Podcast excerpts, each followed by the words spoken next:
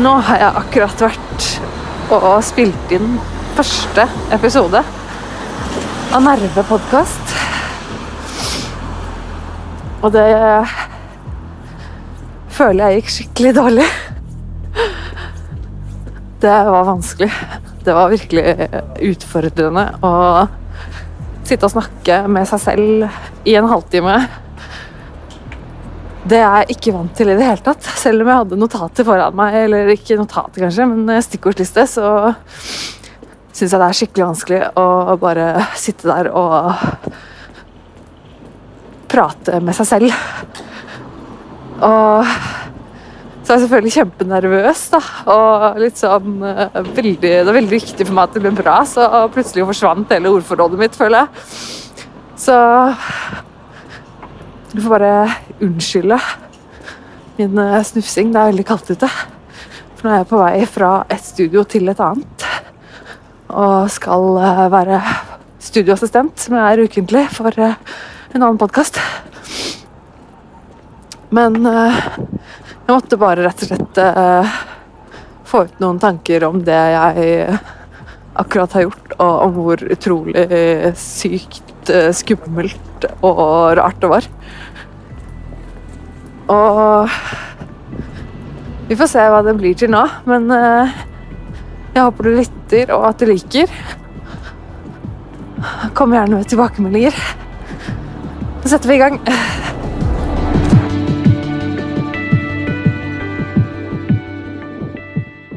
Dette er helt sjukt. Eh, nå sitter jeg i et studio midt i Oslo sentrum, et ordentlig studio, et, et produksjonsstudio som faktisk lager ordentlige podkaster, og så er det jeg som sitter her eh, og spiller inn min egen podkast. Eh, jeg sitter med ordentlig utstyr og filmer meg selv, bare sånn for moro skyld. Vi ser om det skjer noe med det, men dette er bare helt drøyt, da. Hadde du fortalt meg da for et år siden at jeg hadde sittet her nå og filmet meg selv eller tatt en opptak til min egen podkast, så hadde jeg aldri i verden trodd det. Og for bare et par uker siden så spilte jeg inn en promo til denne podkasten helt alene i stua en kveld, og jeg bare fikk for meg at nå må jeg bare gjøre det. Hvis ikke jeg gjør det nå, så skjer det ikke. Og så bare tok jeg det opp med mobilen min uh, helt på sparket og bare la det ut i en app uten å si det egentlig til noen, og så ble det plutselig en greie. Uh, for da plutselig så var det selvfølgelig noen jeg fortalte det til, og så er jeg allerede litt involvert i podkastverdenen med noen andre podkaster som jeg hjelper til med, og da var det noen som likte den promoen, og så ble det plutselig til at jeg fikk sjansen til å gjøre det her, og det er jo det er helt, helt, helt sykt. Um, det siste året har vært en helt abnorm uh, berg-og-dal-bane uten like. Jeg har uh, gått gjennom ting som uh, har forandret hele livet mitt. Um, og det er dette At jeg sitter nå og spiller en podkast, det trodde jeg ikke var mulig. Um, det siste året har, vært, har dreid seg stort sett om eh, behandling og diagnoser og innleggelser og flere innleggelser. Eh, både på sykehus, eh, somatisk og psykiatrisk sykehus, og eh, samlivsbrudd. Jeg er jo gift og plutselig har funnet ut, jeg og mannen min, at vi ikke skal være gift lenger. Og så liksom på tampen av alt det der, så skulle jeg fylle 30 og være kjempeglad og feire, fordi at nå er liksom 30, uhu. Altså, det er et kaos uten like, da. Um, men det Og det å ta en sjanse som det her, det er bare dritskummelt. Um, jeg har så mye nerver. Har grudd meg uh, så mye til det her, samtidig som jeg gleder meg. Um, og i går I går kveld uh, så visste jeg at jeg skulle spille inn dette her i dag, og fikk ganske totalt noia og veldig panikk. Og alle de ideene som jeg hadde til denne podkasten, de bare forsvant. Jeg bare ante ikke hva jeg skulle snakke om. Det var ikke snakk om. Jeg bare Alt var borte fra hodet, og jeg fikk helt panikk, og jeg satt der og skulle forberede meg og finne ut hva jeg skal si, og hvor skal jeg begynne hen. For jeg har 30 år i liv bak meg, og ingen kjenner meg av, det, av dere som hører på. Uh, og det er helt umulig å vite hvor man skal begynne. Så jeg tenkte det her går ikke. Jeg klarer ikke. Det er helt umulig, og jeg fikk helt panikk. Og ikke et veldig stort eh, panikkanfall, men et bitte lite et. Eh, og det er for så vidt eh, nok, det.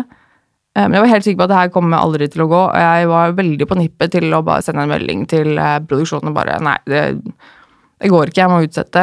Jeg har ingenting å snakke om. Jeg har ingenting å komme med.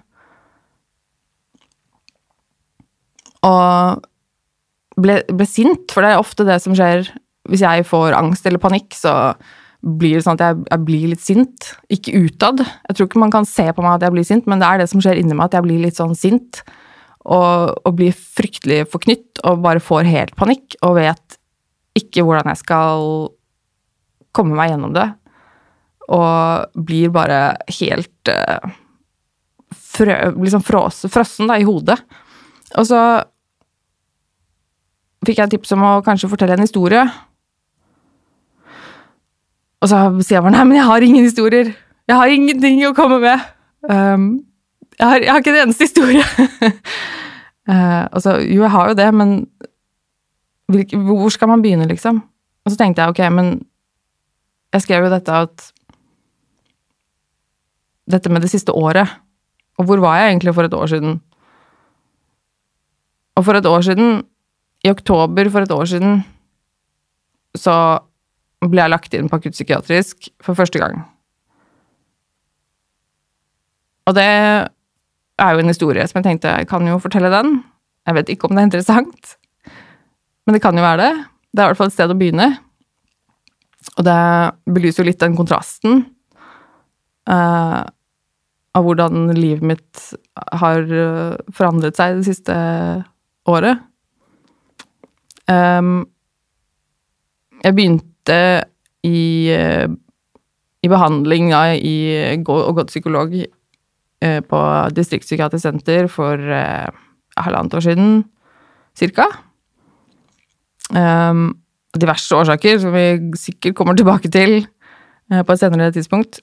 Men i oktober i fjor så begynte det virkelig å toppe seg, og det er jo ofte sånn hvis man Det er jo det som kanskje er vanlig, at hvis man har, uh, hvis man har det vanskelig, og det kommer til et punkt hvor man har det så vanskelig at man må gå til behandling og begynner å snakke med en psykolog eller en annen type behandler, og um, og begynner å, å, snakke om ting og grave i ting, så er det ting som kommer fram som um, kanskje har ligget uh, ganske godt gjemt, og som man har fortrengt. Og når man plutselig drar fram sånne ting, så blir, blir det ofte vanskelig.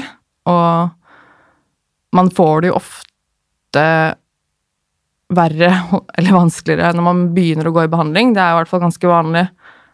Og det, sånn var det for meg også. Jeg har gått i veldig mange år og båret veldig mye tungt uh, på skuldrene mine, og egentlig bare fortrengt det, og aldri snakket så mye om det, og bare egentlig kjempet meg gjennom det, uten å egentlig liksom ta det til meg og face det og, og bearbeide det, og da jeg begynte å gå i behandling, så var jeg helt tvunget til å ta et oppgjør med det, og dra det fram, og begynne å snakke om det, og det er jo helt jævlig, unnskyld språket. Og da, da, blir det vanskelig. Du, du, klarer liksom ikke å komme deg unna det. Du klarer ikke å rømme. Og, og på et tidspunkt da, så, så tar det deg igjen, da, der du løper. Og det var litt det som skjedde med meg. Det ble litt det ble, det ble altfor mye. Jeg klarte ikke å takle det. Jeg visste ikke hvordan jeg skulle takle det. Alle de følelsene og tankene som, som kom, og som aldri ble borte, og som var der hele tiden. Som bare sleit meg helt totalt ut, og jeg følte virkelig at det, at det kom til å gå til helvete. Og jeg ville bare vekk. Jeg ville bare dø. Og da var det et punkt Jeg husker ikke nøyaktig hva, om det var noe som trigga det, eller hva det var, men, men jeg tok kontakt med Jeg prøvde å ta kontakt med min behandler, min psykolog da, eh, på distriktspsykiatrisk senter, og han var på kurs, så han var ikke tilgjengelig. Eh, jeg fikk snakke med akutteamet på DPS, um, og hadde en samtale med dem som jeg ikke husker noen ting av. Og så, etter at jeg hadde snakket med dem, så bestemte de at jeg skulle snakke med eh, en annen eh, psykolog som jobber på, på det samme senteret. Eh, så hun ringte meg, og, jeg husker ikke så fryktelig mye av samtalen, men jeg husker at eh, vi på et tidspunkt hun, ble, hun klarte å overtale meg eh, til at det beste for meg var at jeg kom inn på en akuttime tidlig morgenen etterpå. For dette her var ganske sent på kvelden. Og hun, hun overtalte meg til at, eh, at, eh, vi skulle avtale det, at jeg skulle komme inn tidlig dagen etterpå for en time, så vi kunne snakke sammen. Uh, så jeg sa meg villig til å gjøre det. Og det gjorde jeg. Jeg klarte å komme meg gjennom natten og, og morgenen på et eller annet vis. Det husker jeg ikke noe av, men jeg klarte i hvert fall å møte opp der dagen etterpå. Og det, det kom fram ganske ganske kjapt under den samtalen um, at hun mente at jeg burde legges inn. Uh, og Altså ikke på tvang, men jeg sa meg, sa meg for så vidt enig i det, for jeg var nok ikke i stand til å fungere så veldig bra. Uh, så plutselig så var det en greie som skulle skje. Plutselig så skulle jeg inn på sykehus, liksom. Jeg skulle legges inn på akuttpsykiatrisk. Hva i all verden er det som skjer nå? Uh, og da uh, Så hun ringte en taxi, så kom det en taxi. Hun fulgte meg ned i, taxien. Jeg tror hun også fulgte meg i bilen, det er jeg ikke helt sikker på. Men uh, setter jeg meg i den taxien da, som skal ta meg opp til, til sykehuset, til Lovisenberg, og så er det en kjempebisarr, merkelig, stille taxitur som var så lang. Det er helt merkelig hvor utrolig lang en så kort taxitur kan være. Og helt, helt musestille. Ingen sa et ord i den taxien, ikke sjåføren og ikke hun, jeg, hun som tok uh, turen sammen med meg. Og jeg turte ikke å si noe. Uh, jeg lurer på hva som egentlig foregikk i hodet mitt uh, da. Jeg, jeg, kan ikke huske hva jeg tenkte engang. Jeg husker bare at det var en helt sånn øredøvende stillhet. Det var absolutt ingen lyd. Det var som hele verden bare hadde liksom stilnet. Eh, det skjedde ting utenfor vinduet i, i trafikken, men jeg, det, det, var liksom ingenting. Hele verden bare, hadde bare stoppet på et vis. Uh, og så kom jeg Ankom i sykehuset, og uh, jeg ble fulgt inn i holdt jeg på å si, resepsjonen der, da, eller i mottaket der, og så sendt opp i en heis, og så kommer det noen og tar meg imot, som smiler og, og ser hyggelige ut. Og jeg lurer på Jeg lurer på hvordan jeg så ut på det tidspunktet. For jeg tror jeg så ut som en blanding av en zombie og en eh, livredd fugleunge. For det var eh, helt, helt ute av meg selv. Og alle mine forsvarsmekanismer hadde fyrt opp, og det eneste Det eneste som fantes i meg, var de fysiske bevegelsene jeg gjorde. Det lille jeg klarte å liksom bevege meg framover og ta de skrittene liksom inn på avdelingen og, og ta dem i hånda, liksom. Og det var helt, eh, helt absurd. Virkelig helt uh, merkelig. Hvordan du som et menneske bare plutselig ikke fungerer som et menneske lenger. Men de var veldig hyggelige, disse menneskene. Um, tok meg med inn uh, på avdelingen, uh, inn på et uh, rom. Og et rom på akuttpsykiatrisk avdeling er ikke så mye å skryte av. Um, forholdsvis stort rom, faktisk. Um, med bare en seng. En veldig enkel og veldig kjip eh, sykehusseng. Så er det egentlig ingen møbler. Du var kanskje heldig hvis du fikk en, et bord, men Det var vel stort sett bare en seng og en stol. Eh, og så har du et, har et eget, eget bad der, som også er helt, helt raka. Det er en, en, vask og et speil og en dusj og ingen løse gjenstander. Og ingen stikkontakter. Det er eh, et vindu, eh, og så er det et vindu i døra ut mot gangen. Og vindu inn, inn på badet. Ingen lås på noen dører, selvfølgelig. Og det er helt, helt absurd. Her, her, skal du være. Så sitter du liksom da på den sengen, og så blir du eh, tatt fra deg alle tingene dine, selvfølgelig. For, du kan jo ikke ha alle tingene dine der, du skal jo kunne skade deg selv, så du tar gjerne fra deg ja, egentlig alt eh, som du kan bruke til å skade deg med. Eh, som også jeg har opplevd flere forskjellige rutiner på, som har lest flere mye om det i media de siste angående disse rutinene på akuttpsykiatrisk om hvilke ting du får lov å beholde. Det også har vært veldig forskjellig. Um, hva de tar fra, tar fra, deg.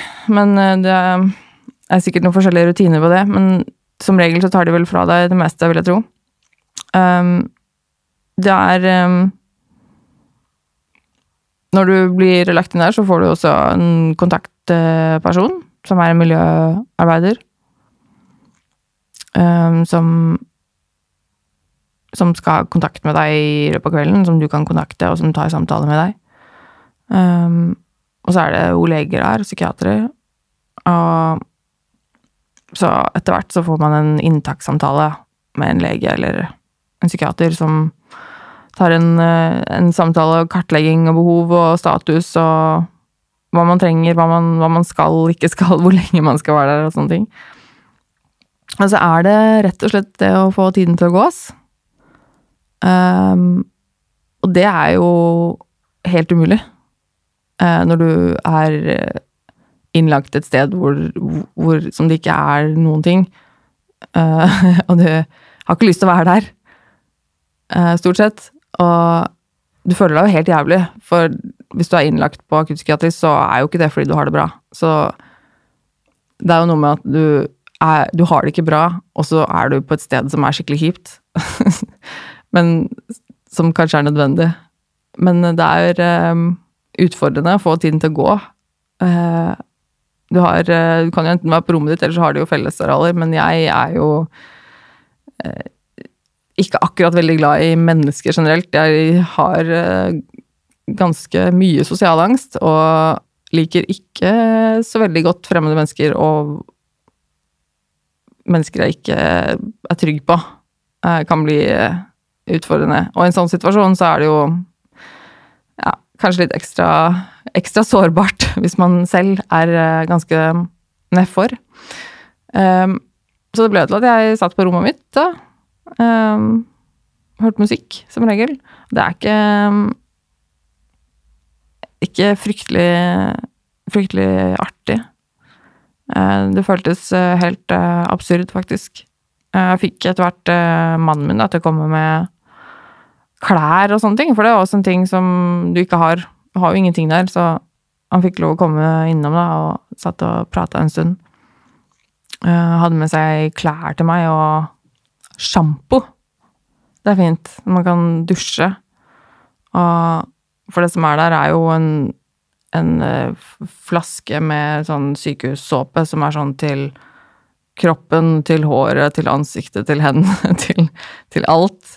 Uh, det er ikke noe man som regel velger å bruke hvis man kan velge å bruke noe annet. Uh, og så er det et bitte lite håndkle, og det er helt latterlig hvor lite det håndkleet er. Altså, det er helt latterlig. Og det er sånn, det er, det er hver gang, alle, alle gangene jeg har vært innlagt, alle steder, alle avdelinger, det er det samme jævla lille håndkleet. Det er så latterlig lite, det håndkleet. At når du står og ser på det og tenker jeg skal dusje, og så skal jeg tørke meg med dette håndkleet. Det er jo en klut. Eh, og jeg skjønner at, at, de vil begrense hvor store eh, stoffstykker de vil gi deg på et sånt sted. Men eh, jeg mener nå helt bestemt at de kunne spandert på oss et litt større håndkle. Men det er nå så. Um, og så går nå den kvelden på et eller annet vis og komme meg gjennom natta, som også var en utfordring. Uh, jeg sliter Jeg har slitt mye med søvn og det å, å sove, og her får du jo tilbud eh, De har jo all, et arsenal av medisiner og sånn, selvfølgelig, på et sånt sted.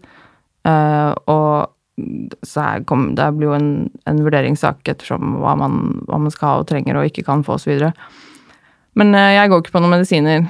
Og fikk jo tilbud om noen sovemedisiner, og jeg har veldig medisinangst. Jeg syns det er dritsketchy å ta medisiner. Putte medisiner i kroppen syns jeg er dødsskummelt. Så jeg er veldig sånn vil helst ikke ta så mye sovemedisiner, selv om det noen ganger kunne vært eh, fint å få. Men da valgte jeg faktisk å si ja til sovemedisiner. Eh, og det angrer jeg så bitter på. Eh, eller ikke nå, men jeg angret på det da, fordi det var, det var grusomt. Og ikke fikk jeg sove heller, så jeg lå jo hele natten og hadde mareritt og bare våknet og var døsig, og det kjentes ut som jeg var full. Og dagen etter så var jeg hangover, på en måte. For det var jo en veldig flott sideeffekt med disse sovemedisinene, at du kunne føle deg litt hangover dagen etterpå. Jo, takk skal du ha, det var kjempedeilig. Uh, så ikke har jeg sovet, og i tillegg er jeg hangover, og jeg har ikke drukket, så det er kjempeflott. Um, men jeg kom meg gjennom denne natten, og dagen etterpå Morgenen etterpå våkner jo tidlig etter å ha sovet og våknet og sovet og våknet hele natten. Skal ta meg en dusj. Uh, går inn på dette abnormt store badet. Det er helt sykt. Det badet var uh, typ like stort som rommet, uh, og he helt raka. bare masse fliser, en liten vask, en liten do, en liten dusj. så står jeg i, i dusjen, har dusja, og så er det sånn Jeg har um, ehm, utvida øreflippen min med ganske store plugger. Og da hadde jeg noen sånne steinplugger eh, i ørene. Og så, på et tidspunkt, så bøyer jeg meg framover, og så løsner den ene steinpluggen i øret, og bare Jeg ser liksom bare alltid sakte film, så bare flyr den forbi ansiktet mitt, ned mot flisgulvet treffer flisgulvet med et smell og bare sprer seg i tusen biter utover det abnormt store gulvet. Og det er altså så det, det, Vi kommer aldri til å glemme akkurat det øyeblikket der hvor det bare smakk, og så tusen knas. Og det var et så perfekt liksom, bilde på den følelsen av liksom min, hele min syke som bare var helt knust og ødelagt. At liksom Der er det. Det er knust, alt er utover gulvet et flisgulv. Og det, og det var uh, ganske absurd. Uh, og så ble jeg helt kjempelei meg. Da plutselig ble jeg kjempelei meg. Fordi den var knust, og den som på en måte ikke betydde noen ting materielt, så er den jo ikke verdt noen ting heller, men det var, det var liksom den dråpen, da. Det var liksom det utløpet. Da plutselig så slo det meg hva som egentlig skjer nå, og da begynte jeg bare å hylgrine. Og bare Fader, liksom. Nå Nå er det virkelig helvete. Nå sitter du på gulvet på akuttpsykiatrisk avdeling på et abnormt stort, helt naken bad, og det ligger knust uh, stein utover hele gulvet rundt deg. Uh, nå blir det ikke verre, liksom. Og så ja, så var det jo Så gikk det for så vidt bedre. Den første natta er som regel verst.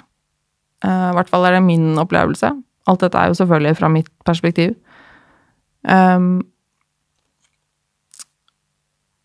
og jeg var vel um, Jeg var vel innlagt der til sammen uh, den, den, gangen så var jeg vel der omtrent en uke, tror jeg. Um, noen av dagene var jeg vel dagpasient uh, som Så jeg fikk lov til å gå hjem og sove, og så var jeg der på dagen. Og så fikk jeg jo til slutt komme ut. um, men dette var bare den første gangen. Um, jeg var innlagt på psykiatrisk også et par ganger til senere. og så var det innlagt på åpen avdeling. Um, og det er uh, flere historier som sikkert kommer senere, og det er veldig mye jeg har lyst til å snakke om i denne podkasten. Og fortelle om, og det var lenge et Det å lage podkast har vært et ønske jeg har hatt veldig, veldig lenge. Men jeg har egentlig ikke helt visst hva den skal handle om. Hva er det jeg har å komme med? Jeg har jo ingenting. Jeg har jo ikke, jeg har ikke et liv, jeg har ikke noe å snakke om, jeg vet ingenting. Jeg har ikke noe spesiell utdanning, jeg har ikke noe spesiell jobb. Hva, hva er dette for noe, egentlig? Hva, hva, hva skal jeg med en podkast? Hvem er det som vil høre på meg? Og så slo det meg bare en dag at men det må bare være Det må bare være at At jeg skal snakke om ting som er vanskelig å snakke om. Fordi at jeg vil at vi skal det. Fordi det er så mye viktig å snakke om som ingen tør å snakke om. Og som er tabu, og som er vondt og vanskelig, men som er så mye mer vanlig enn det vi tillater oss selv å tenke. Og jeg er jo absolutt ikke alene om de tankene jeg har, eller følelsene jeg har hatt, eller opplevelsene jeg har hatt. Uh, og samtidig så føles det jo sånn. Veldig mange ganger så føler man seg jo helt, helt alene om det man opplever og tenker og føler. Og det er grusomt.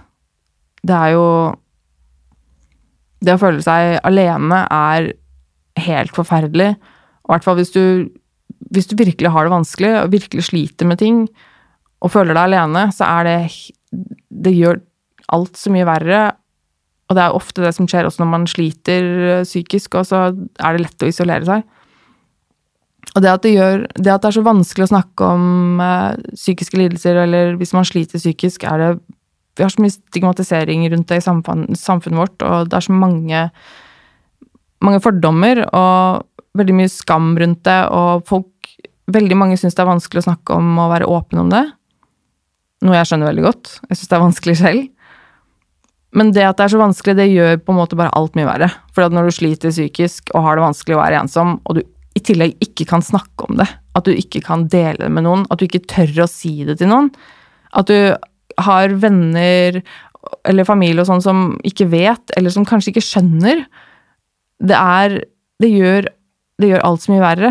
For det er ingen som har godt av å være alene, eller være ensom, er mer riktig å si, fordi det er ikke nødvendigvis det samme. Men jeg tror det er veldig viktig, og jeg har lyst til at uh, denne podkasten kan bli en, uh, en slags uh, kanal for det. Være bare litt åpen om ting, og det trenger ikke nødvendigvis være så veldig heftige, heftige ting som er veldig tungt og veldig vanskelig, men jeg liker også å snakke om ting som ikke nødvendigvis har et svar. store og små spørsmål som mange av oss tenker, men, og som det ikke nødvendigvis finnes noe svar på, men som kanskje er gøy å diskutere. Um, og så er det vanskelig å vite hvor jeg skal begynne den her, da, fordi Som sagt så har jeg jo et uh, 30 år gammelt liv bak meg nå. Um, og jeg har ikke holdt på med verken YouTube eller podkast eller noen som helst Jeg har ikke skrevet noen bok eller gjort noe som helst uh, tidligere. Så det er jo helt umulig å vite hvor man skal begynne, og hva man skal ta tak i når man har lyst til å fortelle. Um, men jeg kan i hvert fall si at jeg Jeg har jo ikke noe jobb nå. Jeg uh, driver med dette. Det er det jeg skal. Og det er min vei nå for å komme meg tilbake til eh, et liv som betyr noe, eller få et liv som betyr noe for meg. Og drive med noe som er viktig. Så det siste året så har jeg ikke vært i jobb. Og det i seg selv er jo ikke akkurat så veldig Så veldig um, bra for psyken ofte. Um, men det har rett og slett ikke vært noe alternativ å jobbe um, i min tilstand. Uh, nå har jeg veldig lyst til å begynne med, no, med noe som betyr noe for meg. Og i det siste så har jeg jobbet med en annen podkast som heter Dialogisk, som er kjempebra. Eh, jeg jobber som studioassistent sammen med Gunnar Kjomli og Dag Sørås. som er fantastiske folk. Virkelig, virkelig bra mennesker. Og ganske utrolig eh, Jeg kjente ingen av dem eh, før nå i sommer. Eh, hvor jeg kom i kontakt med Gunnar og bare fortalte hvor mye jeg likte podkasten, og begynte å prate litt. Og plutselig så bare ble vi gode venner, og han hadde lyst til at jeg skulle hjelpe dem med podkasten, og det er jo bare helt utrolig. Uh, lille meg som er en ingen og ikke kan eller gjør noen ting, liksom. Og så plutselig så skal han ha med meg til å gjøre det her. Uh, jeg, det er jo bare helt utrolig. Og så gjorde jeg det, bare ble med, og det er bare det skumleste jeg har gjort uh, omtrent i mitt liv. Og jeg skal virkelig prøve å bidra og hjelpe til med noe som faktisk er noe. For dette er en podkast som allerede har holdt på en stund, og de er liksom flinke og proffe, og det er liksom holdt jeg på å si ekte mennesker som, som gjør noe ordentlig. Og så skal jeg sitte der og gjøre noe fornuftig som ikke egentlig har brukt hodet mitt til noe annet enn å overleve i et år, så skal jeg plutselig hjelpe til å skrive ting og, og, notere og hjelpe til med Facebook og i det hele tatt Det er jo dritskummelt. Det er helt utrolig kult å få den muligheten, og jeg er så takknemlig for det. Og det har gjort så mye for meg. Og plutselig så dukket det opp en mulighet, fordi da sitter jeg der da, hver uke og hjelper til. Og så blir man kjent med noen mennesker i studio, og så plutselig så får man for seg at uh, man skal sitte hjemme i sin egen stue og lage en promo på en liten podkast, og så plutselig så er disse menneskene du har snakket med i studio, og de hører henne, og så er det plutselig noe de har lyst til å hjelpe deg med, og så er det også bare helt utrolig. Og så har det bare skjedd. Og så er, vet jeg ikke helt hvordan det skjedde, fordi jeg har så lite tro på meg selv at jeg fatter ikke at jeg har fått til noe som helst. Og så likevel så har jeg jo fått til noe Jeg har jo fått til noe ordentlig nå, på en måte. Nå, det her føles veldig viktig for meg, da. Og da tenker jeg at um, kanskje man skal prøve å ta noen sjanser. At jeg må rett og slett bare ta noen sjanser, selv om det er dritskummelt. Og selv om jeg kanskje ikke har så veldig tro på hvor mye det skal bli, eller hvor bra det skal gå, så tenker jeg at jeg må bare ta noen sjanser. Og blir det ikke noe, så blir det ikke noe, men det får bare være. Da har jeg prøvd, og så får jeg prøve å takle det. Um, nå er det sånn at jeg, denne første episoden den eh, bare får eh, bli som den blir. Jeg vet ikke hvordan det blir eh, videre, om jeg skal ha Tenker kanskje at jeg skal prøve å få et, et tema eller noe lignende for hver episode. Vi får se litt hva det blir til. Jeg vil Kan gjerne få innspill på det. Jeg har en side på Instagram og Facebook som heter Nerve. Nerve med Tone Sabro. Det kommer også en hjemmeside opp etter hvert. Tonesabro.no, som jeg skal legge ut. Ja, vi får se litt uh, blogg og prøve å få lagt ut disse episodene der også. Um, så håper jeg at um, du syns dette her var ålreit. At du deler og liker og hjelper meg. For jeg tror jeg trenger hjelp med det her. så tenker jeg jo i utgangspunktet at vi høres om en ukes tid. Og så sier jeg tusen takk for at du lytta. Ha det bra.